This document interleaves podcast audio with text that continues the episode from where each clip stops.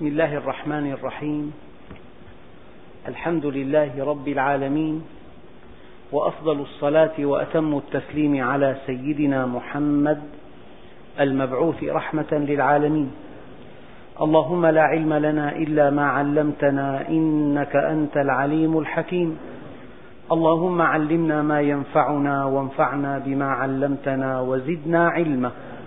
وأرنا الحق حقا وارزقنا اتباعه. وأرنا الباطل باطلا وارزقنا اجتنابه واجعلنا ممن يستمعون القول فيتبعون أحسنه وأدخلنا برحمتك في عبادك الصالحين. أيها الإخوة المؤمنون لا زلنا في قصة سيدنا سليمان والملكة بلقيس وقد وصلنا في الدرس الماضي إلى قوله تعالى فلما رآه مستقرا عنده قال هذا من فضل ربي ليبلوني أأشكر أم أكفر ومن شكر فإنما يشكر لنفسه ومن كفر فإن ربي غني كريم.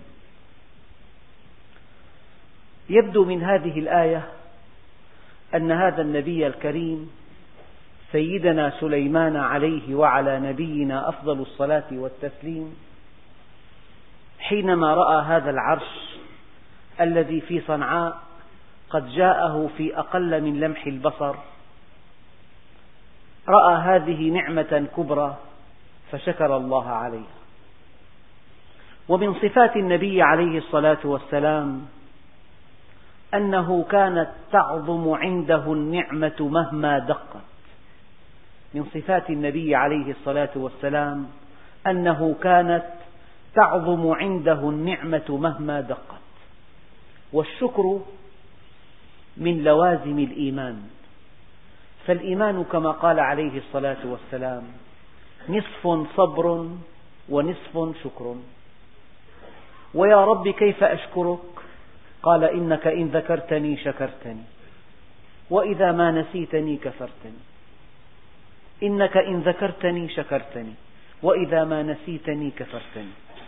فأن تعرف أن هذه النعمة من الله عز وجل نوع من أنواع الشكر. وأن ترد على هذه النعمة بعمل صالح تنفع به المؤمنين نوع آخر من أنواع الشكر. وأن تذكر الله عز وجل عند كل حجر ومدر في الخير في, في الرخاء وفي الشدة في أن تذكر الله عز وجل عند الحاجة وأنت في غنى. النبي عليه الصلاة والسلام يقول أمرني ربي بتسع خشية الله في السر والعلانية كلمة العدل في الغضب والرضا القصد في الفقر والغنى.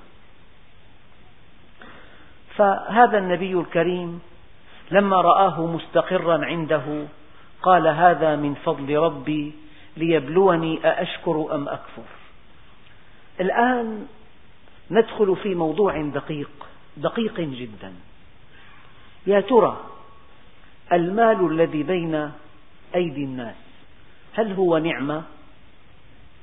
من قال نعم فقد ضل سواء السبيل إنه ابتلاء الزوجة التي تروق لك هل هي نعمة؟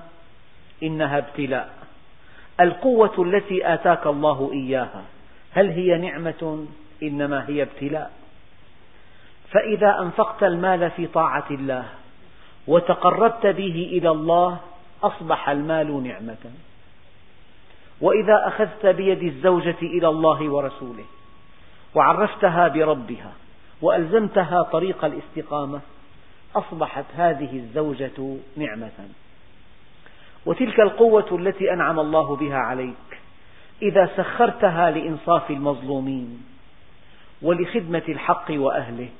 هذه القوة نعمة أنعمها الله عليك. يؤكد هذا المعنى قول سيدنا سليمان الذي ورد قبل قليل قال هذا من فضل ربي ليبلوني. إذا هو ابتلاء. أأشكر أم أكفر؟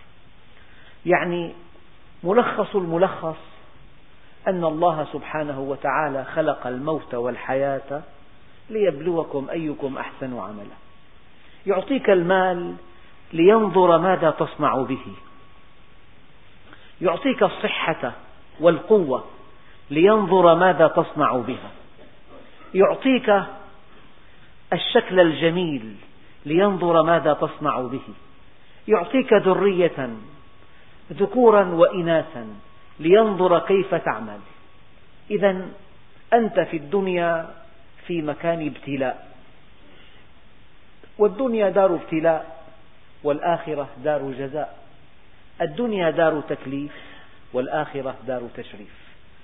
أريد من هذا التفسير لتلك الآية أن أحدنا إذا آتاه الله مالا لا ينبغي أن يفرح به بالقدر الذي يفرح به إذا أنفقه في طاعة الله.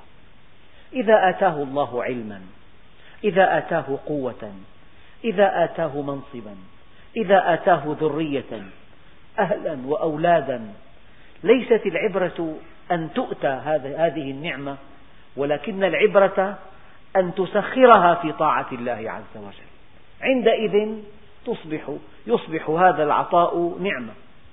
فأما الإنسان إذا ما ابتلاه ربه فأكرمه ونعمه فيقول هو ربي أكرمن وأما إذا ما ابتلاه فقدر عليه رزقه فيقول ربي أهانن. كلا أداة ردع ونفي ليس العطاء إكراما ولا المنع إهانة إنما العطاء ابتلاء وإنما الحرمان دواء. هكذا. إذا هذا النبي الكريم يقول فلما رآه مستقرا عنده قال هذا من فضل ربي وهي من للتبعيض. يعني فضل الله عز وجل عظيم وكان فضل الله عليك عظيما. إذا آتاك صحة فهذا من فضل الله. إذا آتاك علما فهذا من فضل الله. إذا آتاك مالا فهذا من فضل الله. لأن فضل الله عز وجل لا تحده الحدود ولا يحصى. كيف لا وأن الله سبحانه وتعالى يقول وإن تعدوا نعمة الله لا تحصوها؟ لم يقل وإن تعدوا نعم الله وإن تعدوا نعمة الله النعمة الواحدة. لو أمضيت الحياة كلها في إحصاء فضائلها لما انتهيت من فضائلها. وإذا كنتم عاجزين عن إحصائها فأنتم عن شكرها أعجز. يعني إذا أردنا أن نستفيد من هذه الآية في حياتنا اليومية أي شيء تنعم به فهو من فضل الله عز وجل. هذا العقل الذي أنعم الله به عليك. لولا هذا العقل لكل إنسان بلا عقل مكان معروف. ليس له إلا هذا المكان. أنعم الله بك أنعم الله عليك بنعمة العقل. نعمة الأهل نعمة المأوى. نعمة الفطنة نعمة الفهم نعمة سلامة الحواس والأعضاء هذه كلها نعم. لذلك الشكر من لوازم المؤمن. المؤمن دائما يتقلب في نعم الله عز وجل لكن الكافر يرى النعم ويستمتع بها إلا أنه لا يرى المنعم. وشتان بين من يرى النعم وبين من يرى المنعم.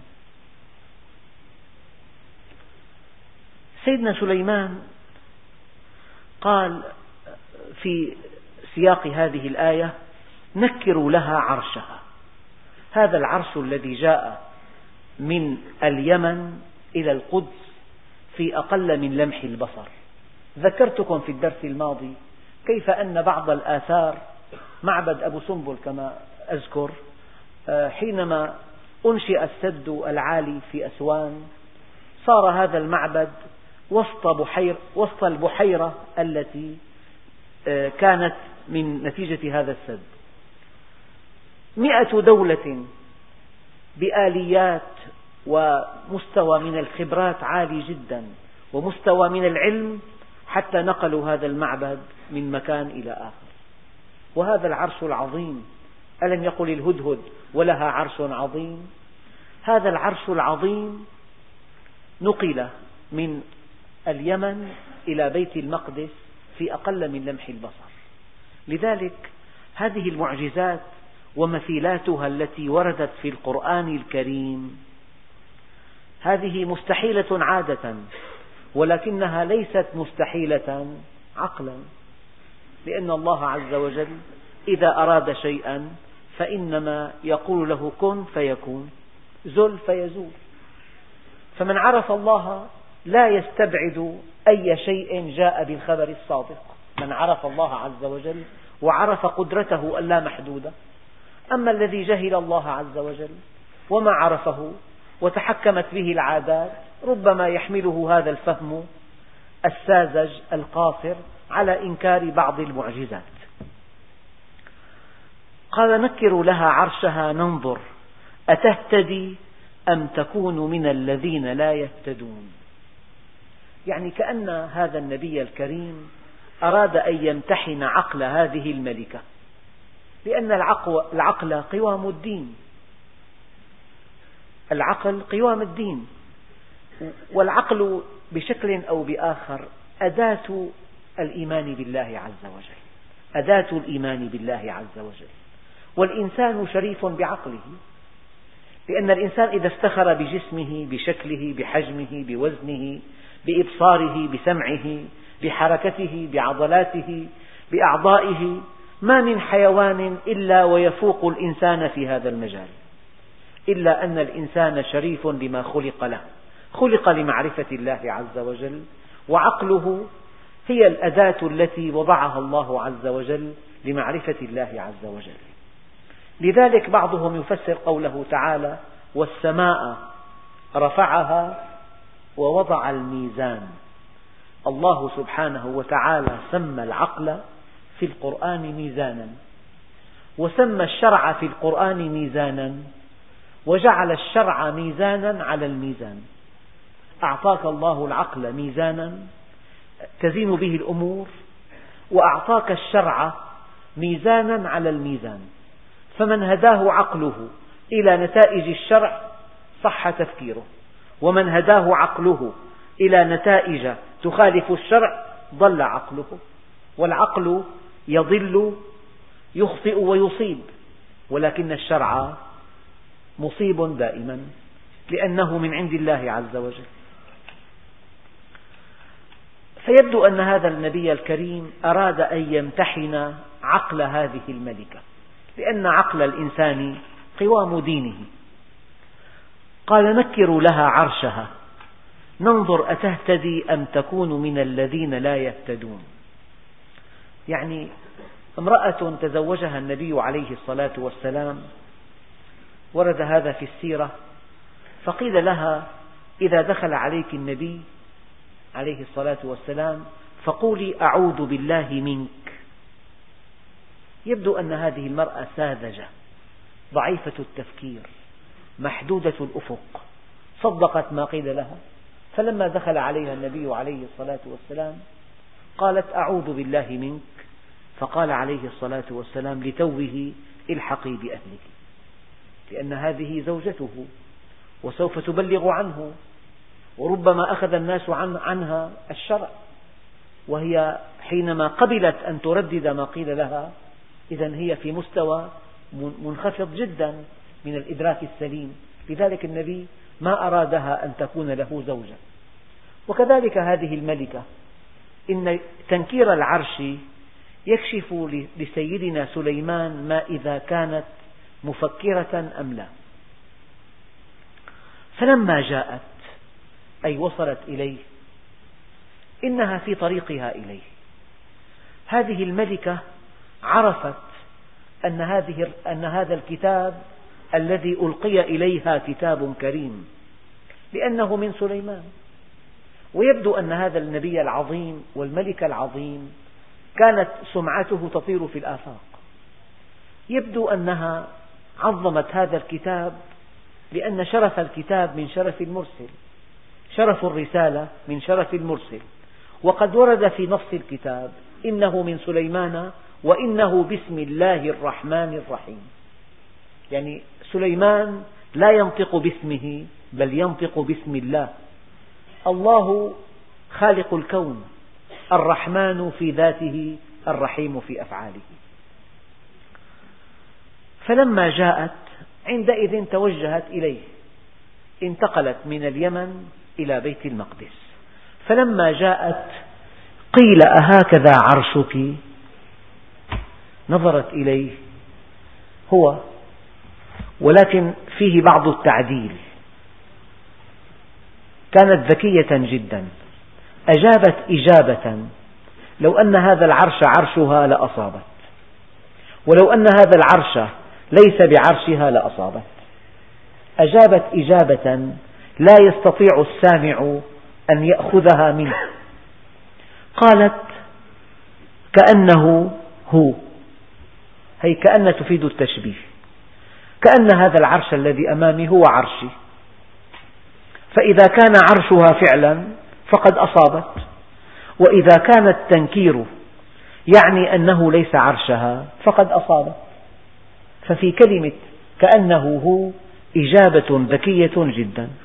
والإنسان أحيانا يعني ذكاؤه يبدو في إجاباته. هناك جواب مفحم هناك جواب مسكت هناك جواب قاطع. هناك جواب أريب هناك جواب لبيب وهكذا. وأوتينا العلم من قبلها وكنا مسلمين. هذه الآية اختلف فيها المفسرون. بعضهم يقول هذا قول الملك بلقيس. يعني أوتينا نحن العلم بأن هذا النبي نبي الله عز وجل. وما, وما مجيئنا إليه إلا بدليل إسلامنا له. أوتينا كلام الملكة بلقيس. أوتينا العلم من قبلها من قبل هذه الحادثة من قبل أن ترى عرشها قد سبقها. هي أيقنت أنه نبي عظيم وأن الله سبحانه وتعالى سخر له الجن والإنس والطير وقد آتاه الله لغة الطير. أدركت كل هذا. وأوتينا العلم من قبلها وكنا مسلمين. والشيء الذي يلفت النظر أن الدين عند الله الإسلام وأن جميع الأنبياء الذين ورد ذكرهم في القرآن الكريم جميعهم مسلمون. وهذه بعض الآيات التي تؤكد ذلك وكنا مسلمين. وصدها ما كانت تعبد من دون الله إنها كانت من قوم كافرين. لم تكن كافرة بل كانت من قوم كافرين. يعني الإنسان أحيانا ينشأ في بيئة كافرة. لذلك قد ينكر قلبه, قد ينكر قلبه تصرفات قومه. ما هم عليه من عادات وتقاليد. هو يميل إلى أهل الإيمان. هذا الذي ينشأ في بيئة كافرة ويحكم عقله في هذا الذي هو عليه ويهتدي إلى الله عز وجل كأن الله سبحانه وتعالى يعد بهدايته لقوله تعالى والذين جاهدوا فينا لنهدينهم سبلنا وإن الله لمع المحسنين. صدها ما كانت تعبد من دون الله هي كانت تعبد الشمس من دون الله. هكذا نشأت في هذه البيئة وقد ومن شب على شيء شاب عليه والإنسان أحيانا يقال إنه ابن بيئته. هذا قول صحيح أحيانا. وابن وراثته وابن محيطه وابن آه، معطياته ولكن الأصح من كل ذلك أنه ابن نفسه. يعني الإنسان في جزء من حياته فاعل وليس منفعل منفعلا. يعني مو الإنسان آه، ماء إن وضعته في منحدر سال. حجر إذا ألقيته من عل هوى. لا. الإنسان قد يمشي في عكس الاتجاه الذي يظن أنه سيمشي به. الإنسان له اختيار. لذلك عظماء العالم نشأوا في بيئات ليست في المستوى المطلوب وصدها ما كانت تعبد من دون الله إنها كانت من قوم كافرين.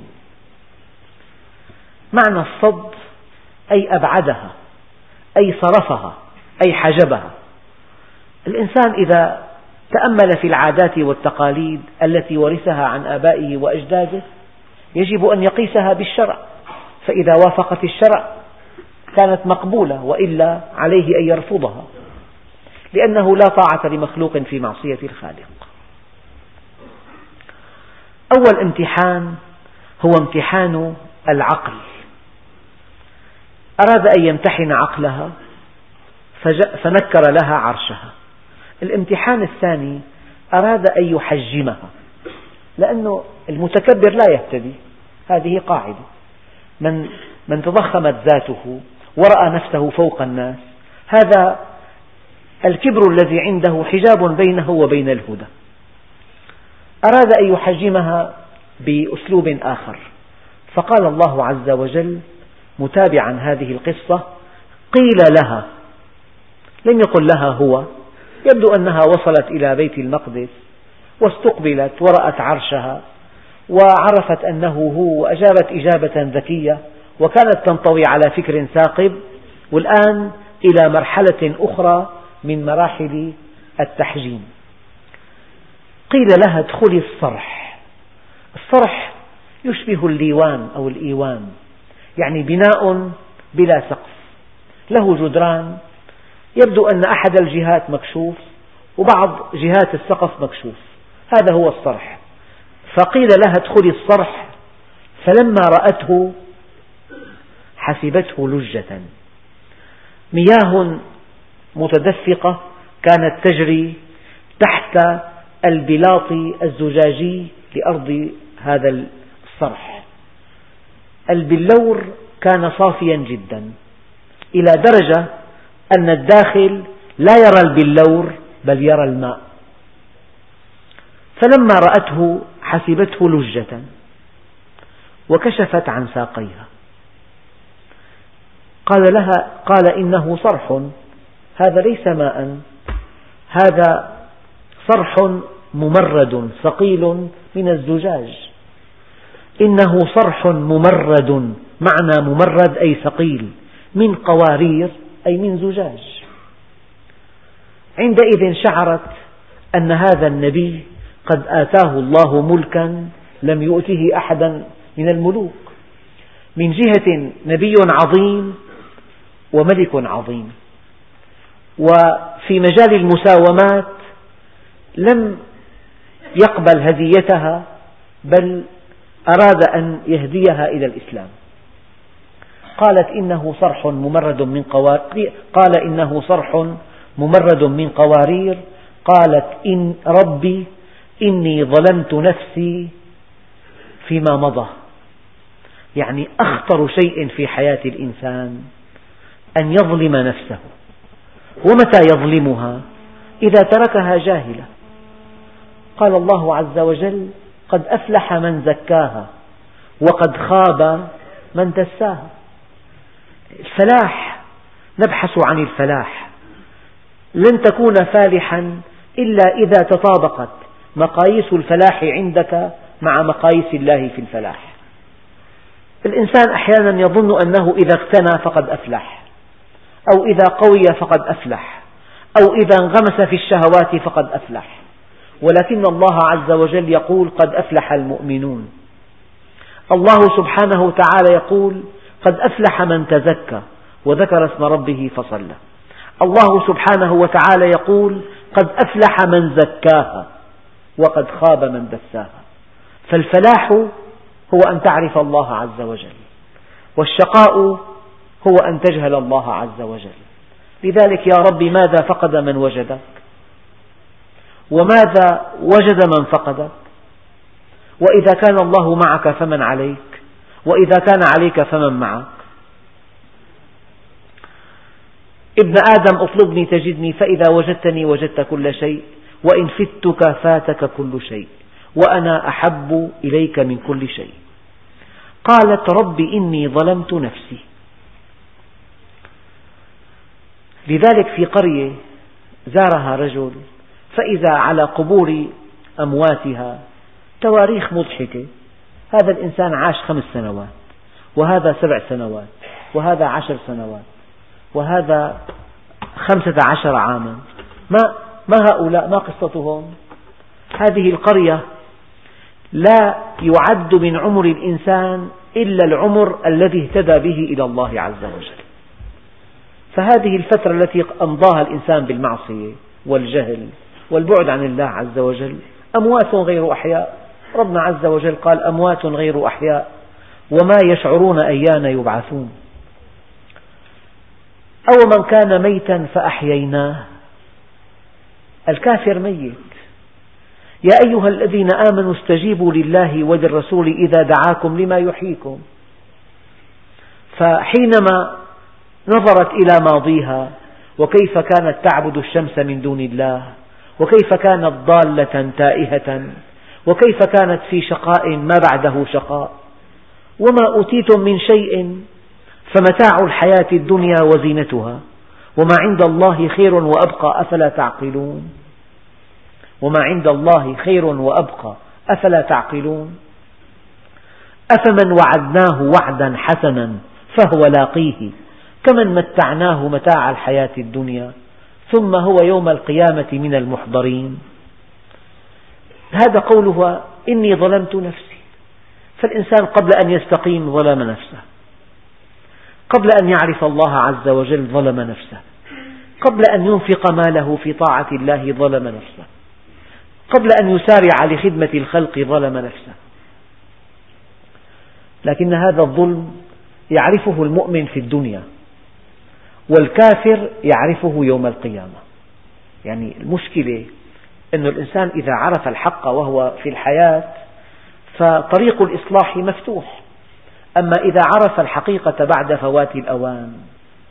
لذلك يوم يعض الظالم على يديه يقول يا ليتني اتخذت مع الرسول سبيلا. يا ويلتى ليتني لم أتخذ فلانا خليلا. لقد أضلني عن الذكر بعد إذ جاءني وكان الشيطان للإنسان خزولا. الحديث القدسي المعروف إني حرمت الظلم على نفسي وجعلته محرما بينكم فلا تظالموا. كلكم ضال إلا من هديته فاستهدوني أهدكم. كلكم جائع إلا من أطعمته فاستطعموني أطعمكم. كلكم عار إلا من كسوته فاستكسوني أكسكم. لو أن أولكم وآخركم وإنسكم وجنكم كانوا على أتقى قلب رجل واحد منكم ما زاد في ملكي شيئا. ولو أن أولكم وآخركم وإنسكم وجنكم كانوا على أفجر قلب رجل واحد منكم ما نقص في ملكي شيئا. ولو أن أولكم وآخركم وإنسكم وجنكم وقفوا على صعيد واحد وسألني كل واحد منكم مسألته ما نقص ذلك في ملكي إلا كما ينقص المخيط إذا غمس في مياه البحر. ذلك لأن عطائي كلام وأخذي كلام. فمن وجد خيرا فليحمد الله. ومن وجد غير ذلك فلا يلومن إلا نفسه. لذلك رب إني ظلمت نفسي وأسلمت مع سليمان. لو أنها قالت وأسلمت لسليمان فقد أشركت. أسلمت مع سليمان. الإسلام لله عز وجل لله رب العالمين. ليتني اتخذت مع الرسول سبيلا مع الرسول. أسلمت مع سليمان. يعني الذي يهديك إلى الله عز وجل يبين لك الحق ويأخذ بيدك إلى الله عز وجل وهذه كل مهمته. أما التوحيد لله عز وجل الإخلاص لله عز وجل. الفناء في الله عز وجل التوكل على الله عز وجل الاستسلام لله عز وجل الإخلاص لله عز وجل. رب إني ظلمت نفسي وأسلمت مع سليمان لله رب العالمين. آه، شيء آخر هو أن أنه في الإسلام لا غالب ولا مغلوب. يعني إذا اقتضى أن تعامل إنسانا بالقوة أو بالحيلة وانتصرت عليه أصبح أخوك في أصبح أخاك في الإسلام.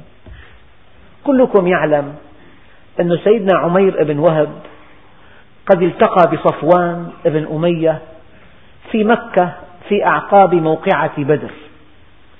وبدر وما أدراكم ما بدر قتل فيها صناديد قريش. يقول عمير بن وهب والله لولا ديون ركبتني وأولاد صغار ليس لهم معيل بعدي لذهبت وقتلت محمدا. هذا الكلام جرى بين عمير بن وهب وبين صفوان بن أمية وكانا مشركين. وهذا الكلام جرى في ظاهر مكة في ظاهر مكة ولم يعلم به إلا الله. فانتهزها صفوان مناسبة ليشجع عمير بن وهب على قتل سيدنا محمد. وأما الديون التي ركبتك فهي علي بلغت ما بلغت. فامض لما أردت. هذه القصة سأروي بعض فقراتها عليكم لأصل إلى أنه حينما يسلم الإنسان كل العداوات التي خلفها في أيام الشرك تذوب كالملح. فحينما أحرجه صفوان وقال أولادك هم أولادي والديون التي ركبتك أنا أدفعها عنك بلغت ما بلغت. عندئذ توجه عمير بن وهب واقتنى سيفا مسموما. وركب ناقته وتوجه إلى المدينة المنورة. وصل إليها فرآه عمر بن الخطاب رضي الله عنه فقال هذا عدو الله عمير بن وهب جاء يريد شرا. أخذ سيفه وربطه بحمالته وقاده صاغرا إلى النبي عليه الصلاة والسلام. دخل على النبي وقال عمر يا رسول الله هذا عدو الله عمير جاء يريد شرا فدعني أضرب عنقه. النبي عليه الصلاة والسلام نبي المرحمة نبي الرحمة نبي التسامح نبي العطف. قال يا عمر أطلقه. يعني فك قيده. أطلقه عمر. قال يا عمر ابتعد عنه. فابتعد عنه عمر. قال يا عمير أد مني. فدنا منه. قال يا عمير سلم علينا. فقال عمت صباحا يا محمد. قال قل السلام عليكم. قال لست بعيد عهد بسلامنا. هذا سلامنا. فقال يا عمير ما الذي جاء بك إلينا؟ فقال جئت أريد فكاك أخي من الأسر. فقال عليه الصلاة والسلام وهذه السيف التي على عاتقك لماذا جئت بها؟ قال قاتلها الله من سيوف وهل نفعتنا يوم بدر؟ قال ألم تقل لولا ديون ركبتني ألم تقل لصفوان بظاهر مكة لولا ديون ركبتني؟ ولولا صبية صغار لذهبت وقتلت محمدا. فقال لك صفوان أما ديونك فهي علي وأما أولادك فهم أولادي.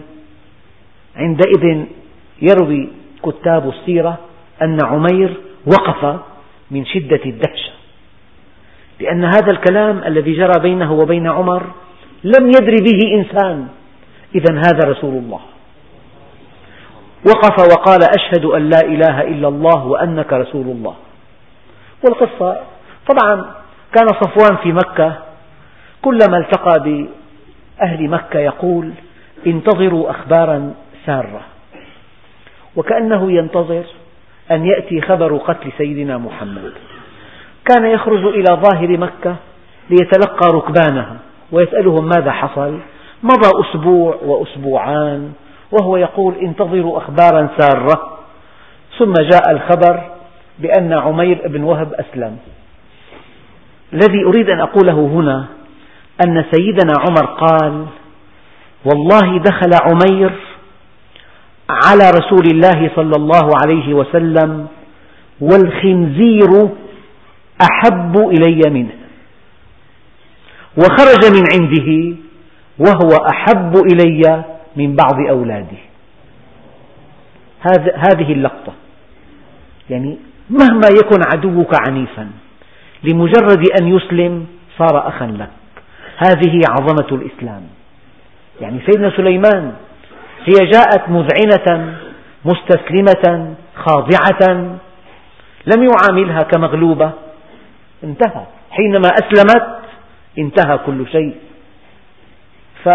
فالله سبحانه وتعالى يقول إنما المؤمنون إخوة المسلم أخو المسلم لا يظلمه ولا يخذله ولا يسلمه ولا يحقره وهكذا.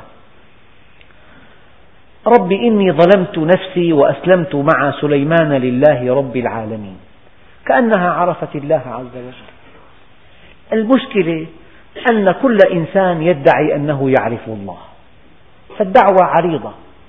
ولكن إذا أردنا أن نقف عند بعض الدلائل التي تؤكد معرفة الله عز وجل هناك بعض الدلائل.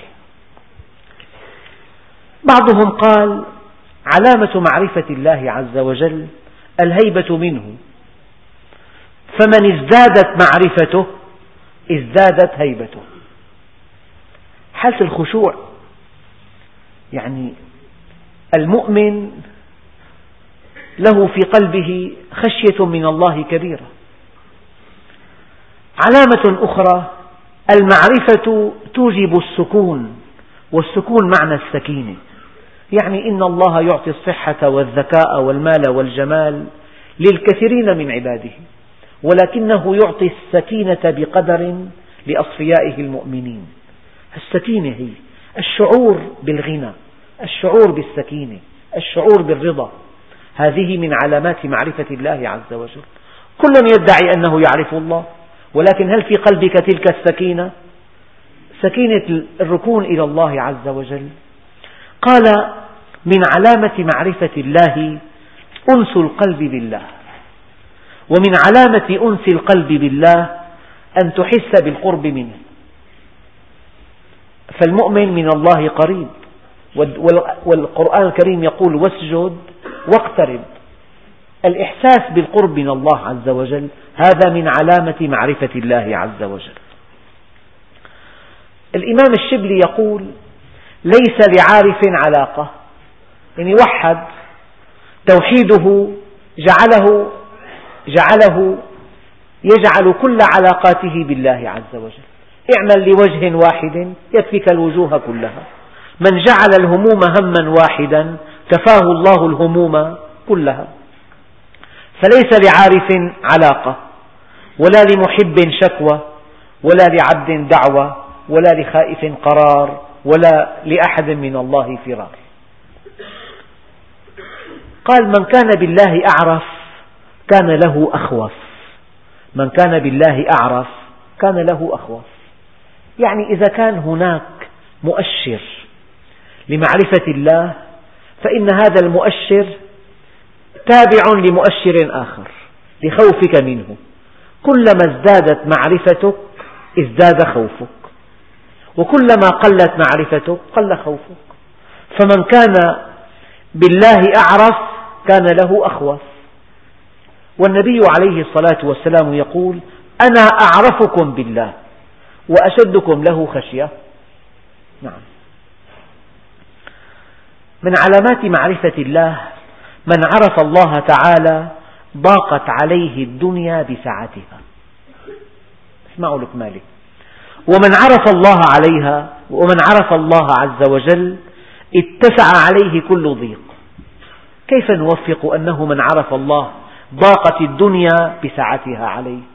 وأن من عرف الله اتسع له كل ضيق. يعني هذا الذي يبحث عن الله عز وجل. افسحوا لإخوانكم. هذا الذي يعرف الله عز وجل. هذا الذي أراد معرفة الله عز وجل. لو أطعمته أطيب الطعام. لو أسكنته في أوسع القصور. لو طفت به في شتى بقاع المعمورة. هو يهدف إلى غير ذلك. هذه الدنيا الواسعة المترامية الأطراف تضيق به. أما إذا جلس في ركن ضيق ليطلب العلم إن هذا الركن الضيق يتسع له. يعني إذا كان المكان ضيقا وحقق المؤمن به رغبته في معرفة الله عز وجل اتسع هذا المكان. وإذا اتسع المكان وكان خواء من معرفة الله عز وجل ضاق به المكان. فمن عرف الله تعالى ضاقت عليه الدنيا بسعتها. ومن عرف الله تعالى اتسع عليه كل ضيق. من عرف الله تعالى صفى له العيش. ليس معنى صفاء العيش أن يكون في بحبوحة ولكن هذه النفس وجدت بغيتها وجدت ضالتها ركنت لربها قنعت به ربا قنعت بعطائه اطمأنت لوعده خافت من وعيده. هذا أيضا من علامات معرفة الله عز وجل. من عرف الله تعالى صفى له العيش. وصابت له الحياة وهابه كل شيء. وذهب عنه خوف المخلوقين. خوف المخلوقين مؤشر على الجهل بالله. ذهب عنه خوف المخلوقين وأنس بالله عز وجل. قال من عرف الله عز وجل قرت عينه بالله وقرت عينه بالموت وقرت به كل عين. يعني وصل إلى هدفه الكبير. الدنيا أصبحت عنده لا قيمة لها. أصبحت خارج اهتمامه. إذا عرفت الله عز وجل قرت عينك به. فإذا ذكر الموت فأنت له مشوق. لأن هذا الموت سينقلك من دار الغرور إلى دار الحقائق إلى دار الشهود إلى دار التكريم إلى دار التشريف إلى سعادة أبدية. من هنا قالوا الموت تحفة المؤمن. فمن عرف الله قرت به عينه وقرت عينه بالموت وقرت به كل عين. لأن الإنسان في شغف وفي شوق وفي عطش شديد لمعرفة الله. فإذا عرف الله عن طريق إنسان ارتاحت نفسه له. ومن لم يعرف الله تقطع قلبه على الدنيا حسرات. لذلك سيدنا الصديق من الأوصاف التي وصف بها ما ندم على شيء فاته من الدنيا قط. ما ندم على شيء فاته من الدنيا قط. من عرف الله لم يبق له رغبة فيما سواه. من عرف الله لم يبق له رغبة فيما سواه. قد أفلح المؤمنون الذين هم في صلاتهم خاشعون والذين هم عن اللغو معرضون واللغو ما سوى الله لغو. الآن من ادعى معرفة الله وهو راغب في الدنيا كذبت رغبته معرفته. من ادعى معرفة الله وهو راغب في الدنيا جاءت رغبته مكذبة هذا الادعاء بمعرفة الله عز وجل. قال من عرف الله أحبه على قدر معرفته به إذا حجم محبتك لله عز وجل بحجم معرفتك, له. لذلك ازدد معرفة تزداد حبا. ازدد معرفة تزداد خوفا. ازدد معرفة تزداد زهدا. وهكذا.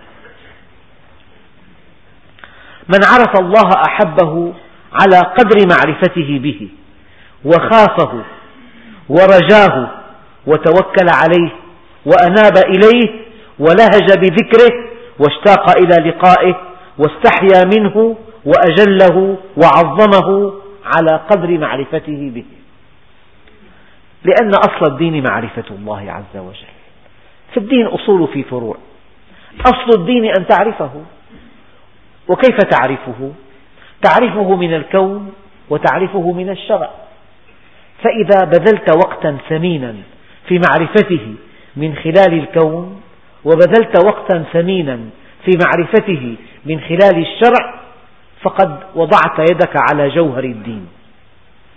شيء آخر لا يوصف الإنسان بالمعرفة إلا إذا كان عالما بالله وبالطريق الموصل إليه. وبآفات الطريق وبقواطع الطريق. وله حال مع الله تشهد له بالمعرفة. يجب أن تعرفه. إذا أردت أن تدعو إليه يجب أن تعرفه. ويجب أن تعرف الطريق إليه. ويجب أن تعرف آفات الطريق وقواطع الطريق. ويجب أن يكون لك حال معه تشهد لك بالمعرفة.